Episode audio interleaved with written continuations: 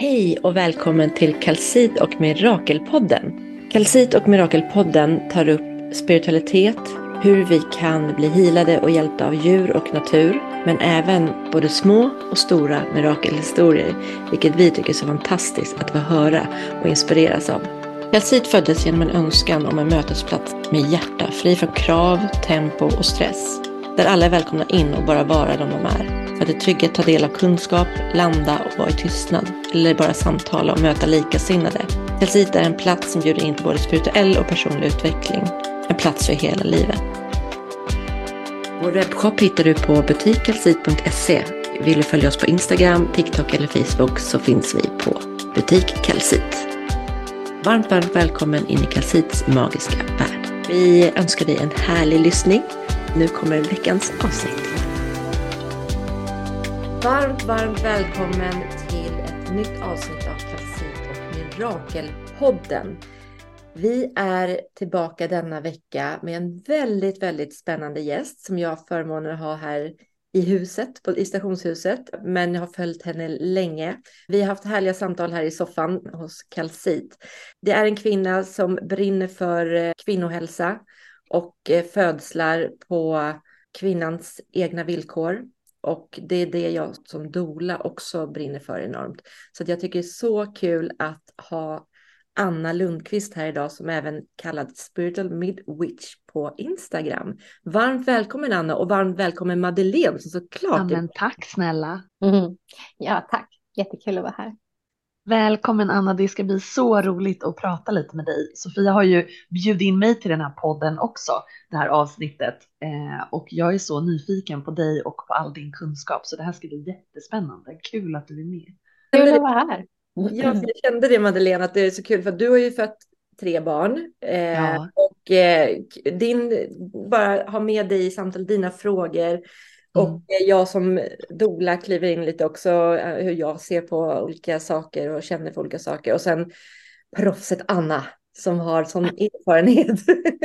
och eh, Anna, du har ju varit i, ehm, alltså större delen nu, senaste tiden i Australien ju och jobbat och sen nu har du kommit hem till Sverige. Kan inte du berätta, vem är Anna Lundqvist? Hur föddes eh, Spiritual Midwich till denna värld? det är en lång historia.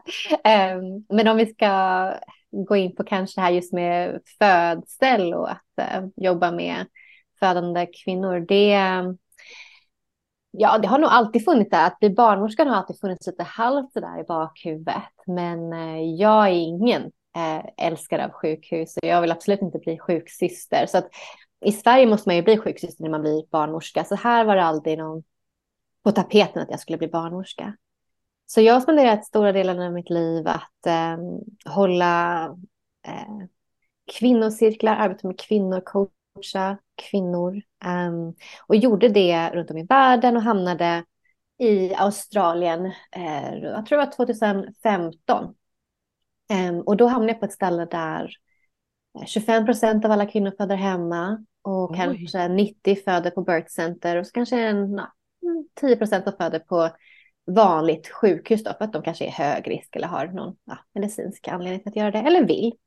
Men de flesta i det här området ehm, eh, ja, vill föda naturligt och fysiologiskt. Så att, ehm, och eftersom att jag är en person som jag är ganska alternativ, jag är intresserad av naturmedicin, av att leva så naturligt som möjligt.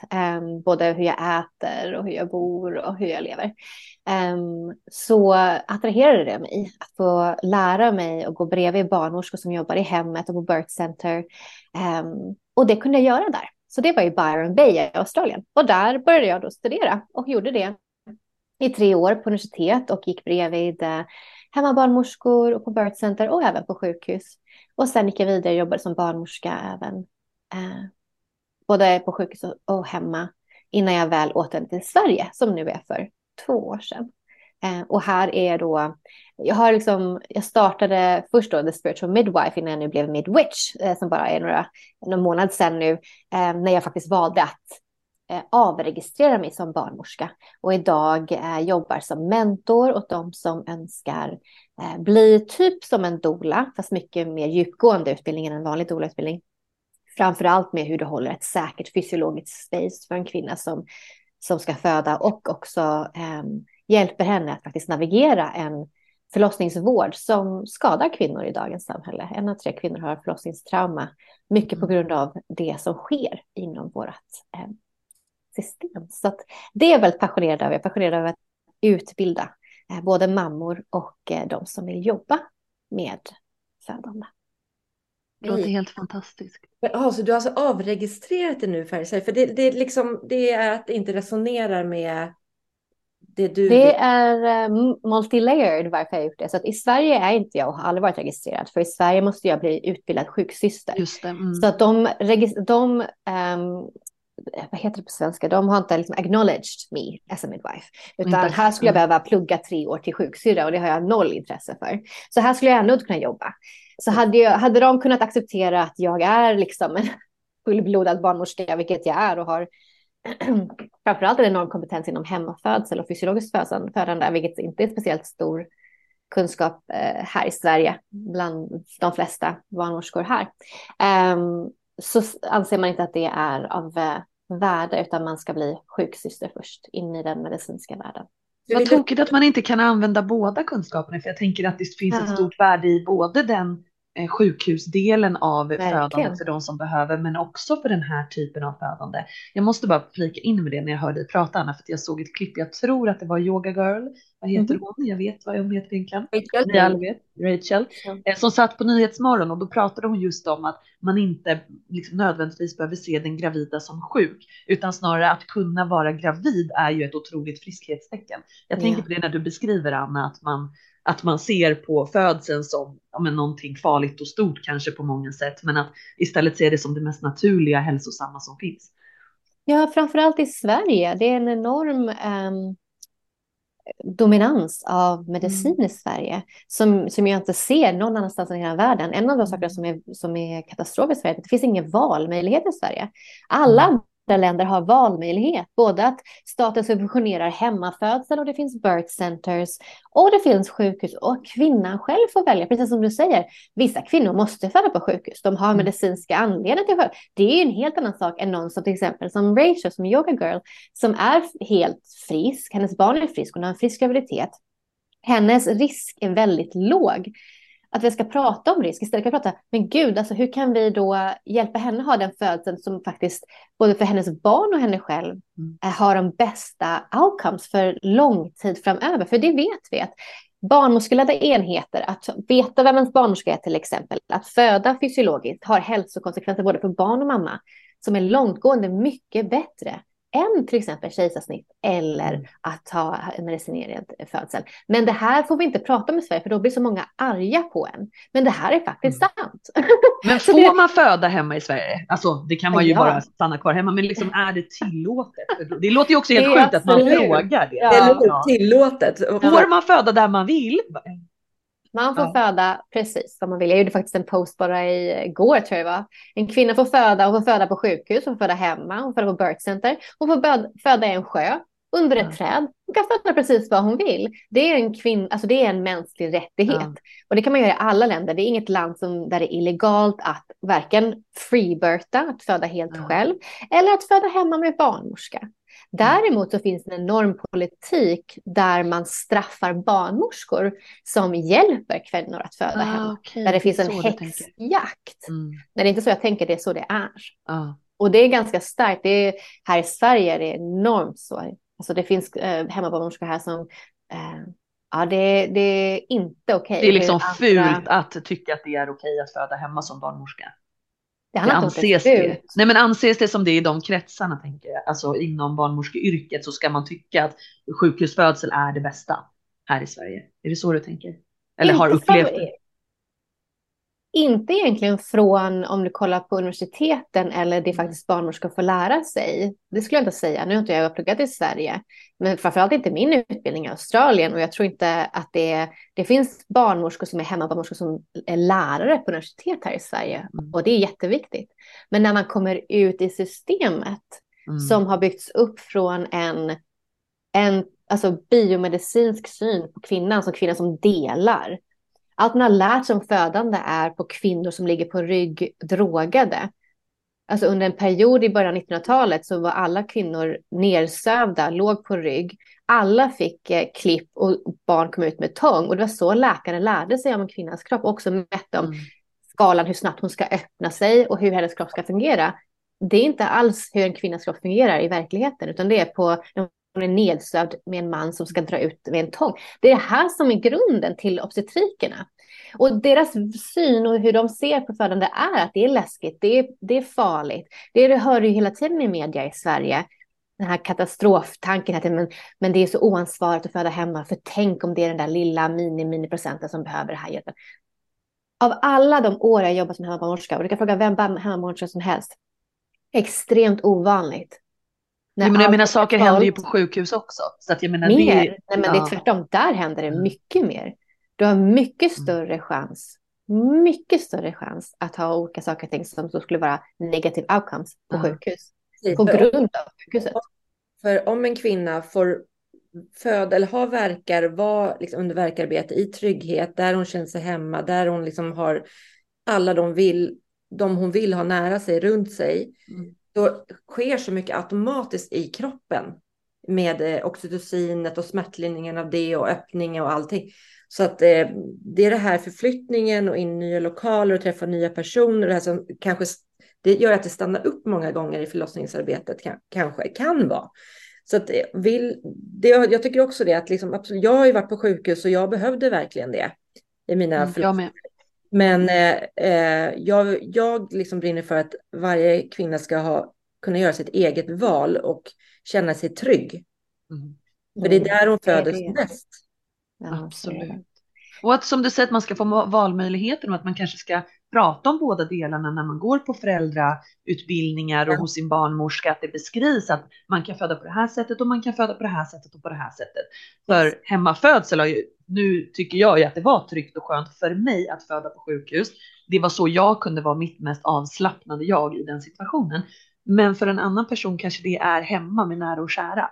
Men har man inte ens fått höra att det är ett alternativ så är det svårt att välja det. Liksom. Det var det, när jag... Men det är inte ett alternativ i Sverige. Nej. Det är därför det inte pratas om. Det finns mm. extremt få hemmabarnmorskor. Och som jag ju sa innan så finns det en häxjakt på dem. Mm. De är inte, de är, liksom många blir svartmålade och är inte välkomna på sjukhus. Till exempel om det skulle vara så. En hemmabarnmorska är otroligt kunnig kunna se om någonting inte står rätt till och då vill man ju såklart åka in till sjukhus för är, man vill ju att alla ska vara säkra, eller hur? Ja. Men då vill man också bli bemött där och mottagen. Och där har vi ett problem i Sverige, att det finns många som inte tar emot dem som då trans, eh, transfer från hem till sjukhus. Va? är det, det sant? Då blir kanske barnmorskan anmäld och det är dålig... Nej, jo, så här är det. Så här är det. Så att det är det här som är problemet i Sverige. Vi har ett problem att vi har en sån stark både medial och medicinsk liksom, överhet som har bestämt att så här ska det inte vara i Sverige. I Sverige ska inte kvinnor få ha valmöjlighet. Resten av världen får ha det, men inte svenska kvinnor. Och vi ska se till att det hålls så. Så att vi liksom, vi, det ska vara svårt att få ha en hemmafödsel. Så idag så finns det väldigt få hemmabarnmorskor som jobbar med det. Och det kostar minst 30 000. Mm. Är det inte också lite typiskt svenskt att man ska göra som alla andra gör för man får inte sticka ut? Absolut. Föder alla andra på sjukhus så ska man föda på sjukhus. Mm. Ja, men det finns inte en möjlighet att, alltså, de flesta tror inte att det finns en annan möjlighet. Som du sa, får man ens föda hemma är det lagligt. Ja. Alltså att det finns en sån förfrågan är ju också jättekonstigt. Ja, att man ja, bara antar att det är självklart att du får föda precis vart du vill. Ja. Drömmen hade ju varit som du säger Madeleine, att redan när man går och skriver in sig hos barnmorskan, när man pratar om mm. alla de här möjligheterna man har eh, och får göra sina val. För det, när jag utbildade mig till doula, då var jag så här, hjälp, hade jag de här valen inför mm. att jag skulle eh, föda barn? Mm. Alla, och alla de här valen informerar jag om som doula nu när jag har mina mm. församtal. Bara för att uppmärksamma. Sen får de ta ställning och liksom söka upp informationen och allt sådär. Men de här valen har ju de här frågorna. Mm. Saker som bara gjordes på mig utan att ens fråga. Exakt. Eh, så det är, ja, det är det här. Det finns val och det går att ta reda på vad för val man har. Ja, men och sen tyckte jag det jag var lite nervös över. Jag bytte ju barnmorska under en av mina förlossningar det är en annan historia. Men det, och det var ingenting jag var beredd på, men det, det var det gick att ha henne eh, där inne. Så kan man bara. Hon var jättebra för någon annan, men när man liksom, jag träffade, jag måste göra den passusen. Jag skulle föda mitt andra barn. Jag hade en fantastisk kvinna där inne som jobbade med yoga, som var, hon visade sig vara typ ordförande för någon barnmorskeförbund. Hon var skitbra. Hon visade min man hur han skulle hålla upp mina knän. Hon gav mig en pilates. Hon var verkligen så här. She was with me, inte mm. beside me. Mm. Och från det lugna så ska hon gå hem och då kommer Duracellkaninen 180 mm. blås. Slet bort pilatesbollen mellan mina ben mitt under en verk. Frågar sin kollega vad hette du nu igen? Alltså det, det var så här, jag bara kände så här, det här går inte. Hon pratade 180 medan jag hade verkar till slut så bara rann tårarna. Och min man tittar på mig så här, jag bara, det går inte. Jag visar ju till honom så här, det går inte. Då tittar hon på mig och bara, lilla vän, jag vet att det, du behöver inte vara rädd. Det kan kännas så här ibland och jag bara, you're the problem, men sa ingenting. Och när hon gick ut första gången tittade jag på min man och bara, jag kan inte ha henne. Hon måste bort, alltså hon måste bort härifrån. Så att han fick ju göra det obekvämt att gå ut och bara, hej, eh, hej, vi skulle nog behöva byta barnmorska.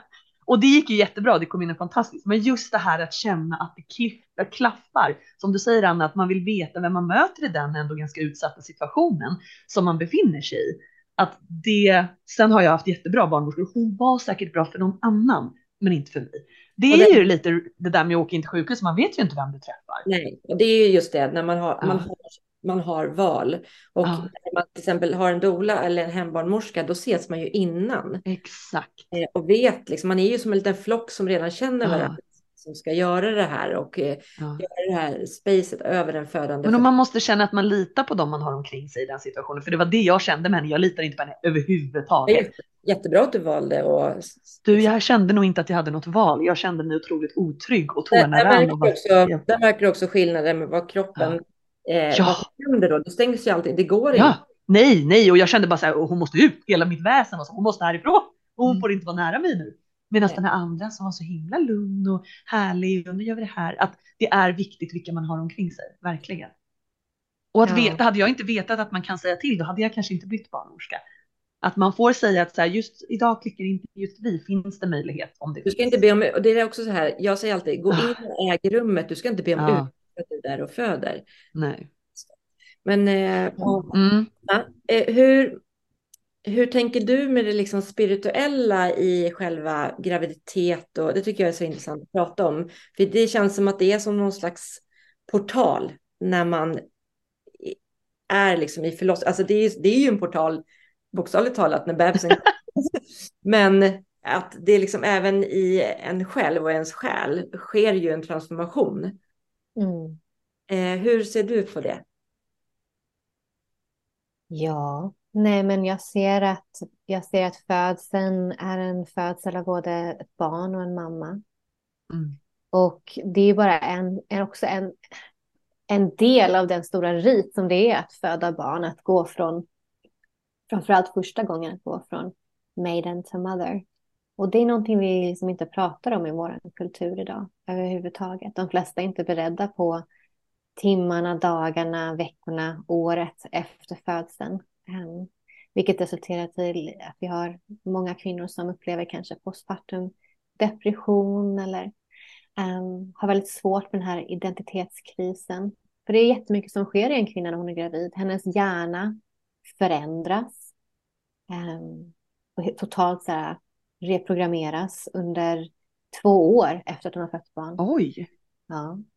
Och eh, det är en enorm livsförändring som de flesta i vårt moderna samhälle inte alls tänker på eller förbereder sig för. Så födseln i sig själv, ja, där har du ju liksom, du är en portal. Det är, framförallt om du gör det fysiologiskt så får du ju faktiskt uppleva för de flesta det här altered state of consciousness som inte händer om man har en medicinsk födsel, när man faktiskt upplever sig som kanske man gör om man liksom tar en psykedelisk drog där eh, man är utom kroppen, i kroppen. Liksom det pratas om att kvinnor upplever att de reser till stjärnorna och plockar ner sina barn, men de åker också ner i underjorden för att möta sina inre demoner och rädslor och, och allt sånt som eh, hon måste släppa taget om. Det är en enorm self-sacrificing process där du behöver totalt liksom, lämna den gamla dig bakom dig, på ett sätt dö.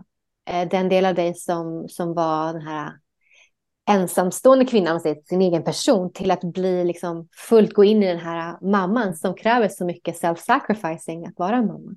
Det är liksom, födseln i sig är liksom en, en stor eh, portalidé i sig själv också. Som sen fortsätter såklart för evigt. Men framförallt så kan det vara en stor transformation som många inte är beredda på. Dagar mm. och veckor och år efteråt. Eh, den enorma förändringen i relation, i relation till samhället. Många kvinnor känner sig väldigt isolerade och utlämnade. Att, Jaha, men varför försvann vissa vänner? Mm. Relation till sin egen familj. Eh, att vara liksom 24 timmar om dygnet. Eh, ta hand om den här lilla bebisen och vara the caregiver och liksom take care of this baby. Att lära sig då att, att leva i symbios med det barnet och bli en helt ny person. Mm. Mm. Vad finns det för fint? För du gör ju även efter födslar så tar ju du emot för lite womb healing och sådana ceremonier kan eller ritualer. Eh, vad kan det göra för någon? Om man liksom, det är liksom att hämta hem sig själv på något sätt känner jag. Eh, för att man är ju väldigt öppen åt alla håll och kanter mm. efter en förlossning. Att liksom så här hitta in i kärnan igen i sig själv och liksom hit, grunda sig på något sätt. Att man kan få hjälp mm. och stöttning med det i en sån här ceremoni. Ja, framförallt så finns jag ju där efteråt, både för mina klienter och de som hör av sig. Och jag jobbar kvinnor över hela världen, jag är mycket på Zoom, men även i person här i Stockholmsområdet. Att jag finns där för emotionell stöttning, att finnas där och mm och lyssna, finnas där och hålla.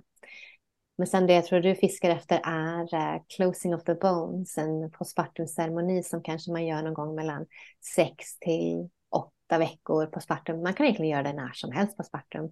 Det finns liksom ingen time limit. Du kan göra det när du är 50 eller 60, men du kan alltid göra den här closing of the bones. Och man kan göra det för olika delar av livet också som man kanske vill stänga en cykel av. För det är lite det det handlar om, att Ehm, just closing of the bones är en specifik ceremoni, men sen så finns det ju bara att hålla en postpartum-ceremoni, precis som man kan hålla en, en mother blessing, liksom, att uh, hedra det som en kvinna går igenom. Att faktiskt ta ett tillfälle där man stannar upp och får uh, tänka efter, reflektera, bejaka den stora, liksom, det stora skiftet som har hänt. En kvinna får berätta sin förlossningshistoria från start till finish, och bli hörd och sedd i det. Um, hon kanske får ta emot gåvor eller fina ord och um, välönskningar från grupper av kvinnor som kanske sitter i en cirkel runt henne. Um, ibland så kan man introducera fina små ritualer så som till exempel beröring, uh, closing of the bones är att man stänger portaler med sjalar runt huvud, runt axlar, runt höft, runt knän, runt fötter hon bäddas in, hon hålls. Eh, det finns de som gör rituella bad med örter och blommor. Det finns de som trummar, det finns de som sjunger. Det finns massa olika sätt man kan hedra och hålla en kvinna beroende på vad hon behöver. Det finns ju många postpartumritualer med till exempel massage, oljemassage, att smörja in i specifika oljor eller vissa örter. Um, det finns yoni steaming eller hukbad som man kanske gör runt sex till åtta veckor efter födseln när man har slutat blöda för att rena livmodern till exempel. Det finns massa olika saker man kan göra på sparten beroende på vad en kvinna behöver.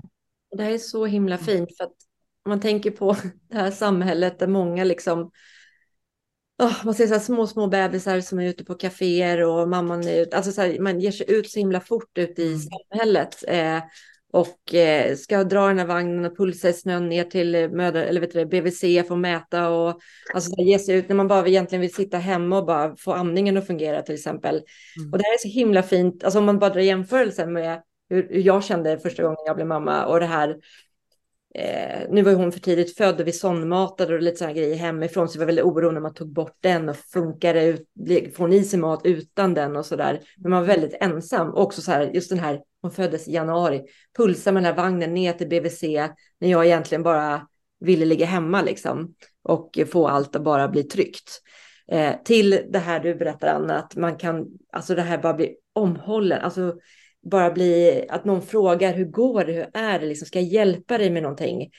Här mm. går ju partnern ofta tillbaka och jobbar efter tio dagar eh, och man är själv med det här barnet. Så, så det, och jag vet du Madeleine, du har ju också haft en väldigt tuff start med din första son. Gud ja. Jättedeprimerad. Jätte, jätte, jätte, jättetuff. Eh, när Joel var två veckor fick ju han vad vi trodde var ett andningsstopp som visade sig vara reflux, att han hade fått upp mat i halsen och då stänger barnen av. Det är det som gör att man kan liksom gå på babysim och doppa dem. De har den där refluxmekanismen, men vi trodde ju att han slutade andas och det skapade ju någonting i mig. Vi hade ju varit föräldralediga tillsammans första månaden, jag och min man. Så jag tyckte liksom att det här gick bra, men då var det så tydligt för mig hur skör våran lilla kille var. Och att när Jocke nu, min man, går och jobbar, då är det mitt ansvar att se till att den här lilla människan överlever. Så att jag vart ju rädd för allt och kände mig så ensam med det. Alla gick till jobbet som vanligt och jag träffade visst tjejer i mammagruppen, men de levde ju på som du säger, drack latte på stan och sågs på promenader i parken och jag var bara livrädd för allt. Jag såg faror i allt och var bara rädd så att jag vågade till slut inte vara själv med Joel. Det tog ett halvår innan vi fick hjälp med det och det slår mig också när du beskriver Anna att vad fint att få ta hand om den som har fött ett nytt liv. För att när man går till, det är väldigt mycket koller på barnet efteråt. Det är BVC och alla frågar hur det går och det är ju um, om sig och kring som det här lilla knytet och det är fantastiskt. Men det är inte förrän efter två månader man går på en kontroll hos barnmorskan och det slog mig när jag födde att säga jaha, ska, ska jag bara åka hem nu? Ska ingen liksom kolla mig mer? Och sen förväntas man må som vanligt efter någon vecka. Då ska man liksom ta en kort promenad med den där nya barnvagnen. Att få bry sig om mamman. Jag tycker att man har blivit bättre på det, i alla fall i mina kretsar där jag umgås med, att också inkludera. Eh, men jag vet med mitt andra barn fick man, man får ju fylla in och formulär efter ett visst antal veckor hos barnmorskan att, eh, på BVC där, att hur mår du nu? Och då sa jag till henne att men med mitt bagage nu från första barnet, om jag skulle fylla i att jag mådde jättedåligt i den här blanketten, vad gör du med den då? Ja, jag bokar en tid hos vårdcentralen. Vi har inte så mycket annat vi kan göra. Nej. Och jag blev så illa berörd för att jag vet att jag har poddat tidigare och pratat om det här. Och jag tycker fortfarande att det borde finnas ett center, något ställe där man kanske kunde gå under graviditeten men även efter. Dit man kunde gå och få en kopp te och få prata, hur mår du? Och kanske lämna bebisen hemma och prata eller ta med det här lilla knytet mm. om du vill att den ska sitta fast på ditt bröst, för det är också helt okej. Och bara få möta någon i det och inte sitta i ett kallt väntrum på vårdcentralen och känna sig som en outsider som inte mår bra. Liksom. Mm. Man borde kunna fånga upp på ett annat sätt än vad det finns. Ja, jag tycker det är verkligen tydligt faktiskt att eh, Sverige har Många tror att Sverige är så himla bra, att Sverige har så bra sjukvård och det kanske vi har annars, men absolut inte när det kommer till kvinnovård och framförallt inte när det kommer till Mm. Eftervård efter födseln, den är, den är icke-existerande. Mm. Om du bara kommer ner till Holland så har du till exempel när en kvinna föder så kommer det en, eh, en till kvinna med barnmorskan direkt efter för att ta hand om ditt hem. I en hel vecka kommer hon mm. varje dag, åtta timmar per dag, städar, tar hand om alla barnen, tar hand om dig, hjälper med amningen. Finns där en hel vecka postpartum. I Sverige, där får du själv som du säger mm. själv tar ut första veckan för att kolla på barnet. Mm. I Australien kommer vi som barnmorskor, eller när jag var barnmorska, nu inte längre, men vi kom hem de första två veckorna minst. Varenda sjukhus skickade hem minst kanske tre gånger i veckan veckan, i två veckor, en barnmorska hem till dig en halvtimme, en timme för att hjälpa dig, kolla att du mår bra, att du inte blöder, att allting är bra med din kropp, att du kan amma, att bebisen mår bra, att du emotionellt mår bra. Mår du inte bra, nej men då kontaktar vi en socialarbetare ja. eller någon som kan hjälpa dig att må bra. Exakt. Ja, men det där om, omfamnande kring kvinnan. Jag tror ja. att det är viktigt att tänka på som familj och vänner också. Mm. Att man är där för att träffa den nyfödda bebisen och hans nyfödda mamma eller hennes. Mm. Mm. Att inkludera i det. Mm. Ja, mm. Anna, nu i Sverige, har du endast varit med hem, på hemmaförlossningar sedan du kom hit eller har du varit med även på sjukhus? Nej, jag är med på både hemma och eh, sjukhusfödslar i Sverige. Mm, beroende på vad föräldrarna önskar föda. Mm. Jag tänker mm. när du är på sjukhus och med på förlossningar, eh, för jag har ju lite hur jag tänker och hur jag förbereder de blivande föräldrarna innan för att just kunna få det eh, sin egen känsla så mycket som möjligt. Hur brukar du tänka när ni ska liksom preppa er för att okej, okay, det kommer vara en sjukhusfödsel, men hur ska vi göra det här rummet så eh, härligt som möjligt och så hemma trevligt som möjligt för så du kan slappna av. Har du någon specialtips där, Anna? Just för rummet? Ja.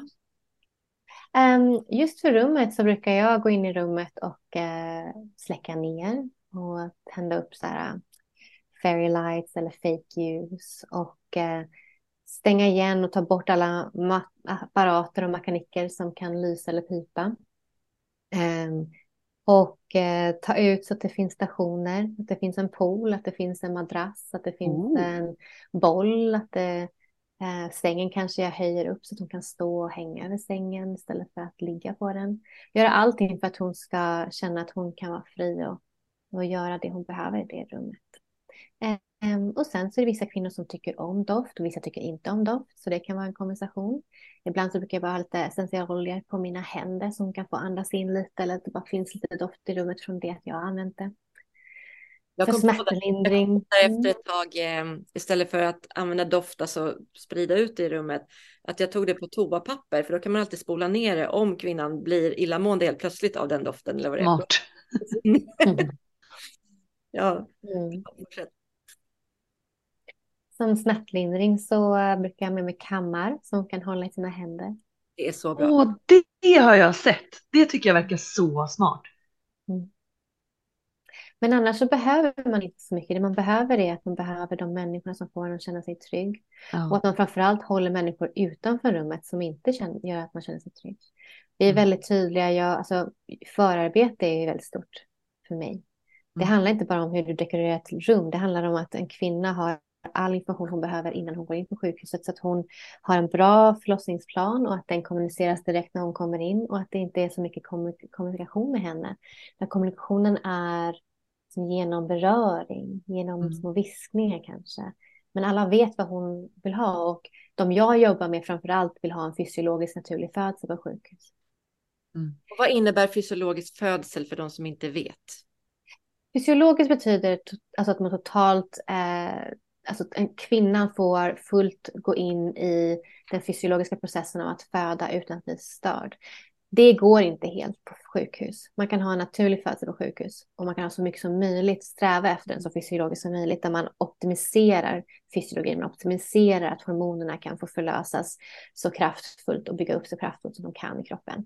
Men, och det går. Jag eh, eh, liksom verkligen fokuserar på att utbilda mina familjer och även i samtal med eh, sjukvårdspersonalen att eh, låta kvinnan få vara i sitt birth space mm. så mycket som möjligt.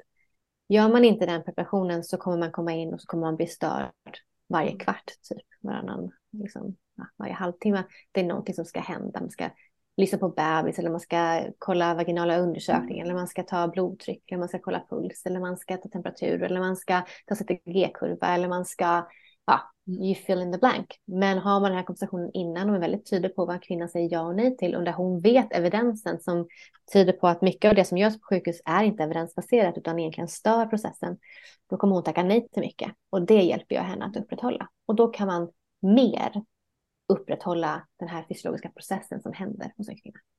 Mm. mm.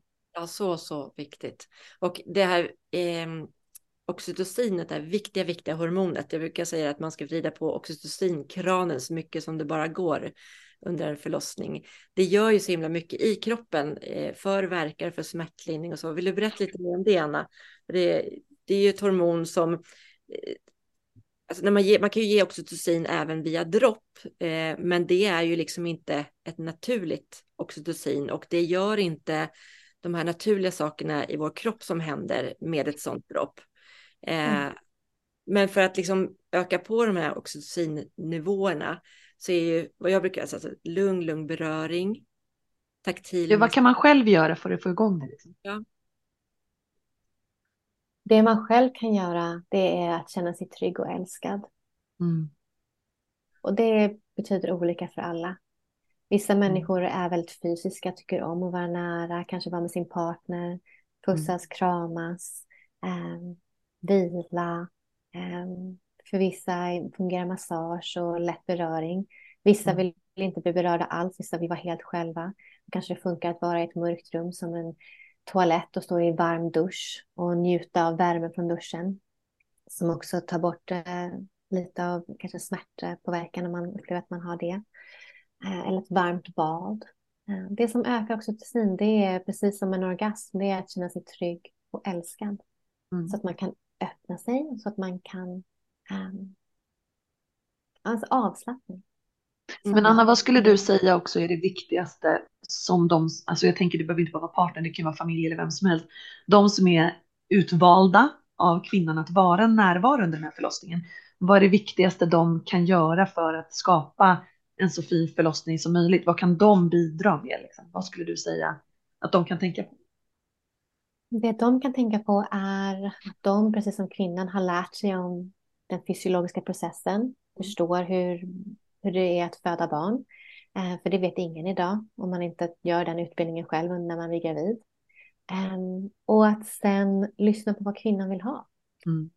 För det kommer ju vara olika för alla. Om hon mm. vill ha en naturlig födsel, om hon vill ha en epidural, om hon vill ha kejsarsnitt, om hon vill bli igångsatt. Alla de här sakerna kommer ju betyda att hon kommer behöva annorlunda stöd, mm. olika stöd. Mm.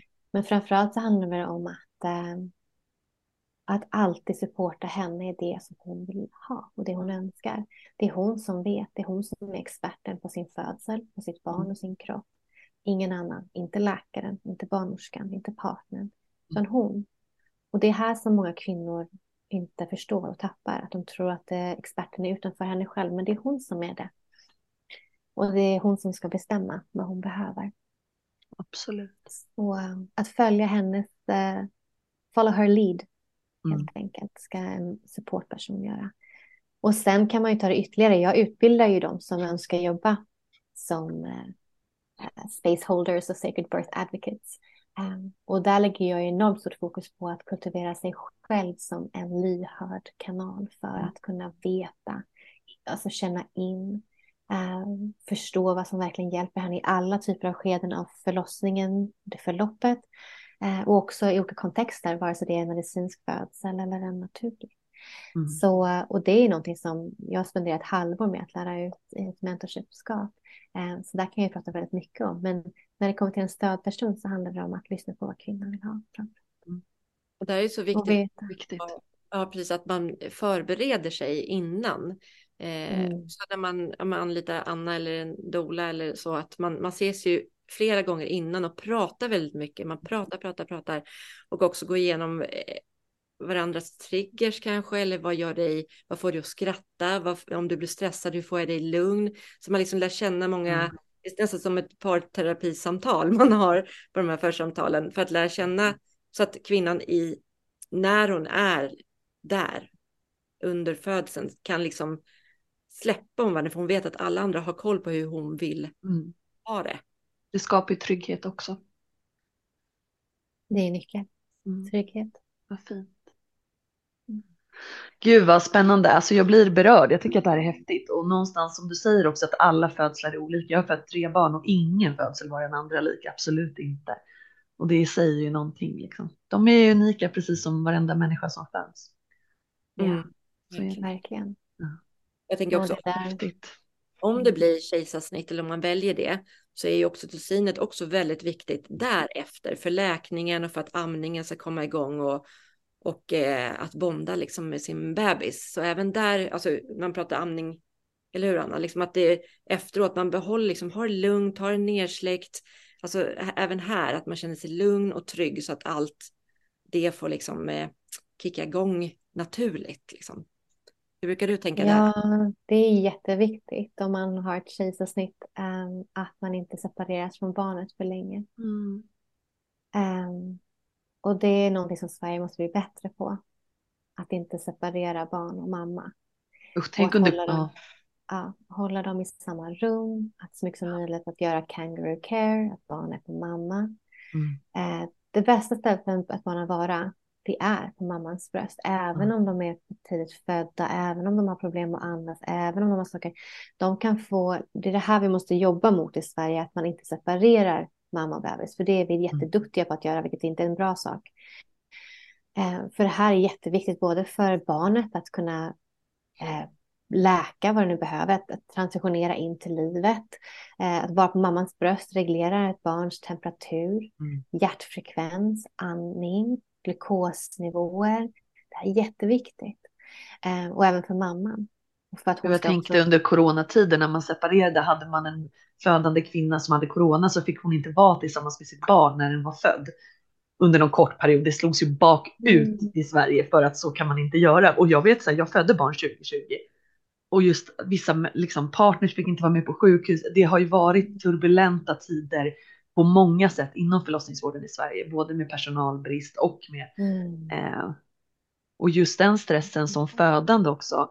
Eh, när jag födde mitt andra barn, då var det mitt under sommaren och det var ju det enda man tänkte på alla de här krisrapporter efter krisrapporter efter post. Jag vet att det då 2017 publicerades en post-it-lapp från någon förlossningsklinik i Stockholm där det var hur många de hade haft som födde under natten, hur mycket personal de hade varit och man blev ju livrädd. Och allt man ville var bara att få en plats. Man skulle bara vara glad att man fick komma in. Och barnmorskan till oss på mödravården sa till och med till min man att ja, med tanke på hur fort det gick med eran första så du kanske får liksom kolla videos på hur man förlöser i bilen ifall ni behöver åka till typ Södertälje. Och han bara va? Du vet, att han ju sig jättetrygg inför. Ja, Jocke kände sig inte jättetrygg och han bara va? Jag kan säga att första verk åkte vi in och det var tur, men just den här stressen att det inte bara en press att föda barn och hur det är, det kanske är något nytt eller om man gör det för femte gången spelar ingen roll, det är en ny situation, men just också att det inte finns tillräckligt med resurser i vården om man nu vill nyttja vården på den mm. stunden av ens liv, att det ska vara så stressat. Jag tänker dra den här referensen också, alltså en, en ko eller en häst som ska kalva eller föla. Stör man inte, flyttar man inte på Nej. det innan det är dags. Och vi ska i fullt verkarbete mm. hitta att vi får komma in någonstans. Därför ja. är ju hemförlossningar, då är du ju i, i trygga space direkt. Mm. Så. Mm. Ja, verkligen. Och det här är ju någonting som, det är väldigt tydligt hur Sverige värderar kvinnor när vi ja, ser på hur förlossningsvården är. Verkligen. Den är katastrof i Sverige och det handlar inte om att det inte finns barnmorskor, det finns. Det handlar om att budget. Det ja. handlar om, alltså hela tiden så handlar det om vinst. Man ska ha en, en högre vinst varje år. Mm. Och då drar man ner hela tiden och det är så man måste göra. De där och barnmorskorna inte... som gör allt för alla de här som föder och försöker. Liksom. Det är inte lönsamt att två barnmorskor är hemma för en kvinna. När två barnmorskor kanske kan ta hand om två eller tre födande kvinnor på en gång på löpande band. Och speciellt om vi kontrollerar dem och alla tar epidural och ligger ner och kan ha CTG på sig, för då kan vi kolla på monitorer utanför istället för att vara med kvinnan. Mm. Så effektiviserar vi vården i Sverige. Mm. Mm. Det ska man veta också, man ligger på rygg, alltså förlåt, nu håller jag upp en hand här, men vägen ut, exit för bebisen, det blir ju en uppförsbacke om du tänker som en, mm. alltså livmoder, eller livmoderhalsen, eller hur, hur säger man Anna, hela vägen? En liten båt. Ja, men precis. Det är som en banan. Vet, man öppnar bananen. Det går ju liksom uppåt om du ligger på rygg. Men däremot om du står på knä eller på alla mm. fyra så, så blir den en nedförsbacke istället. Så att det, det ja. mamma på 70-talet, hon låg ju på rygg, full epidural och skulle trycka ut. Alltså, mm. Det blir ju en uppförsbacke. Inte bara det, det minskar utloppet med 30 procent. Oj!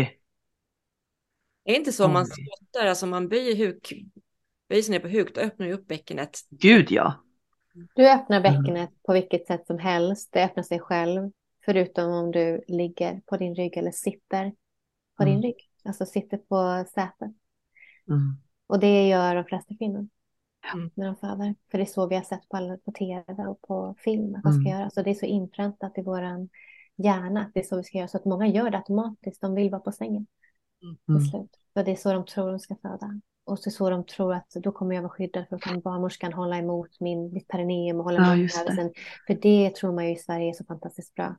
Och det finns ingen evidens på att det är bättre än att låta en kvinna följa sin egen känsla. Men på grund av att många kvinnor inte känner sin egen känsla för de har epidural, då behöver vi också någon som mm, håller emot och kanske kniper ihop och gör saker och ting. Men allt det här, det skapar konsekvenser. Det skapar större risk för bristningar. Det skapar större risk för mm. skador och så vidare. Som kvinnor så gärna vill undvika. Gud, Men på ja. grund av att vi har all den här medikaliseringen så ökar vi risk för kvinnor. Det är bara så det är. Men det är ändå viktigt att vi pratar om det här och lyfter alternativa sätt och att som du säger, man har rätt till sin kropp även här. Man har rätt att bestämma själv. Ja, absolut. också. Jag är absolut inte emot epidural, alltså man ska få ta precis som man vill, men att du ska få välja det själv och också mm. veta vad epiduralen kan göra. Mm. Alltså det, det, kan ge underverk med en epidural om en kvinna får kanske vila ett tag och kanske där öppnar sig liksom medan hon sover Om det har varit Absolut. en sådär.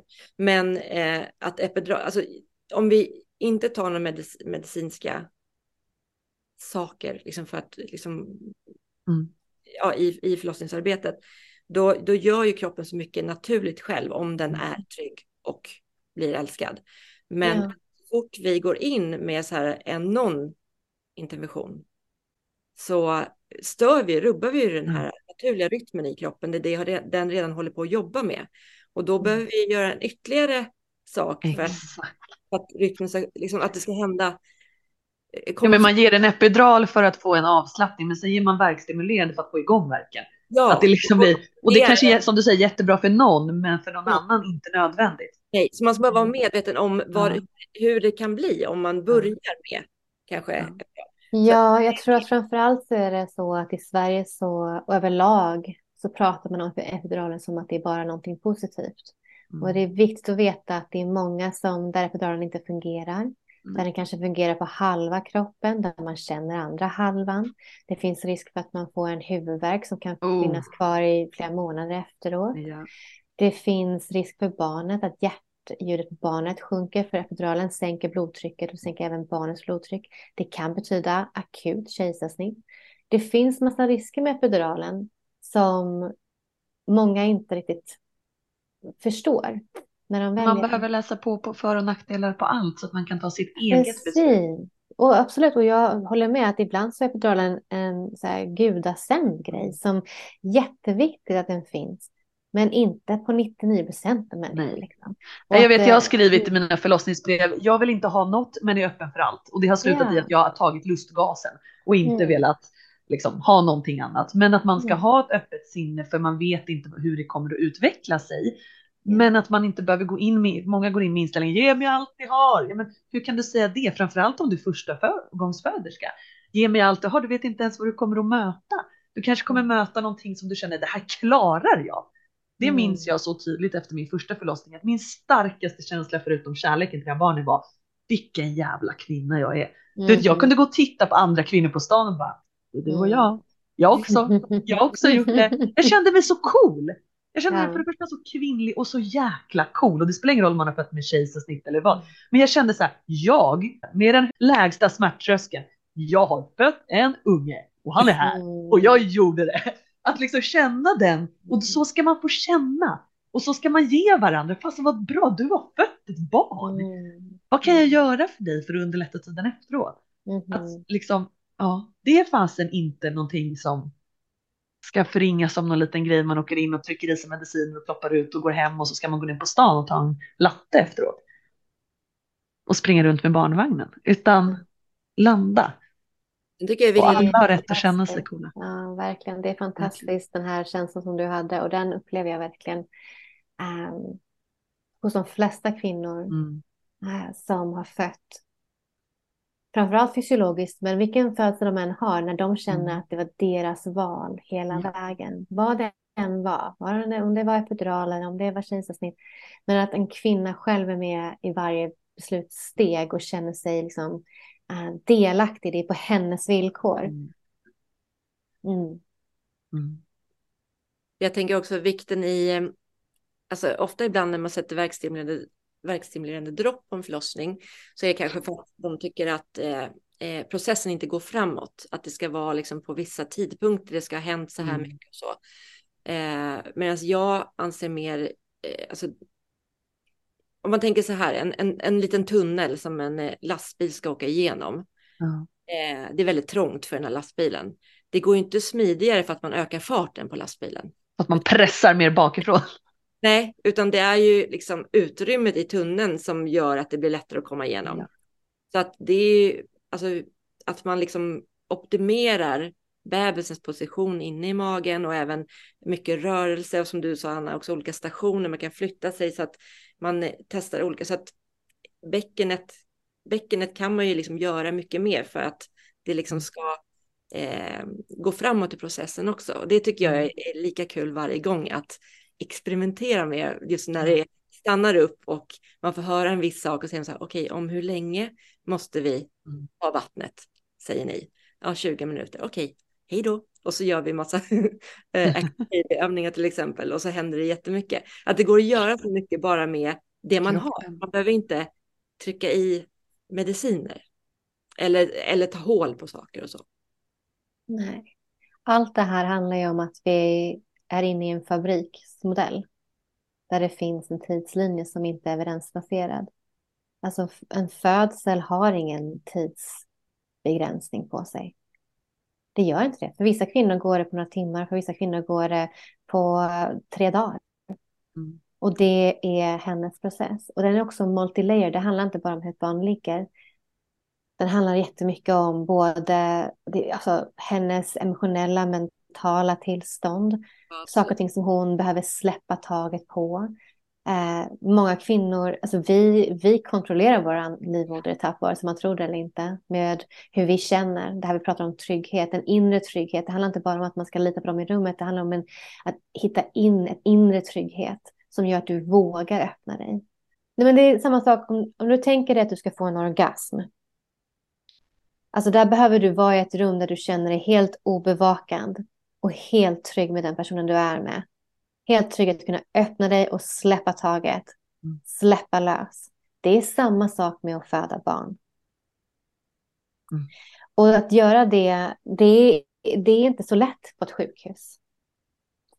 Och, och framförallt inte när någon kommer och säger att du ska ha så här mycket tid innan vi ska göra det här och här. Det där är bara påhitt. Det handlar om att inte de vill ha dig där inne på sjukhuset så länge för du tar upp en plats. Det är det det handlar om. Det handlar inte om din säkerhet. Det är inget farligt för dig att gå flera timmar i ett visst stadie.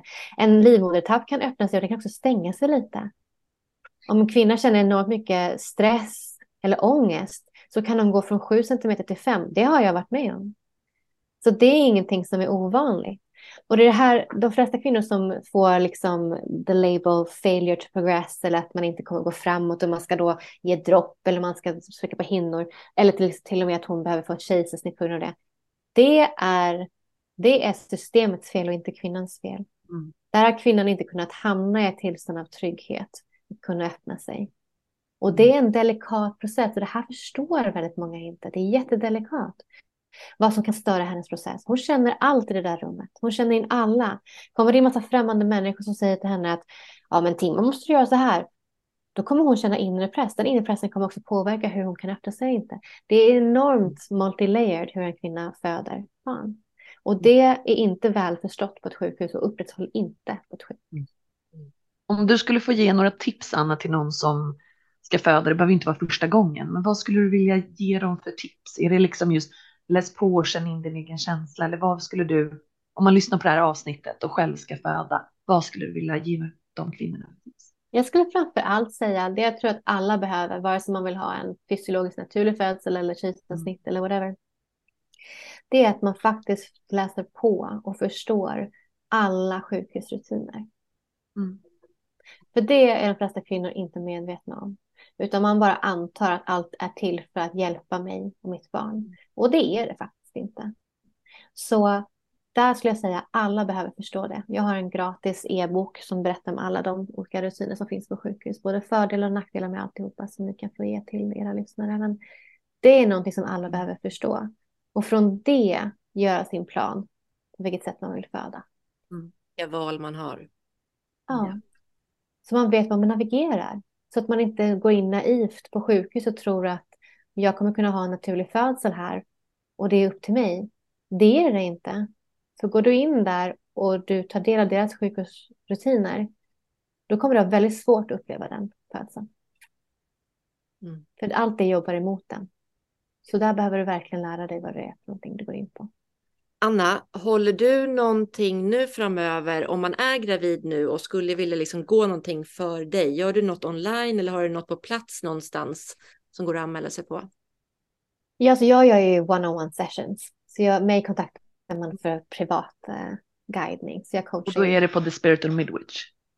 Ja, man kan hitta ja. mig på Instagram, The Spiritual Midwich, eller så kan man hitta mig på thenaturalbirthcourse.com. Mm. där man kan både gå mina, jag har ju online då, uh, The Natural Birth Course and The Nourishing Postpartum Course. Man kan lära sig om man då specifikt önskar föda naturligt. Spännande. Mm.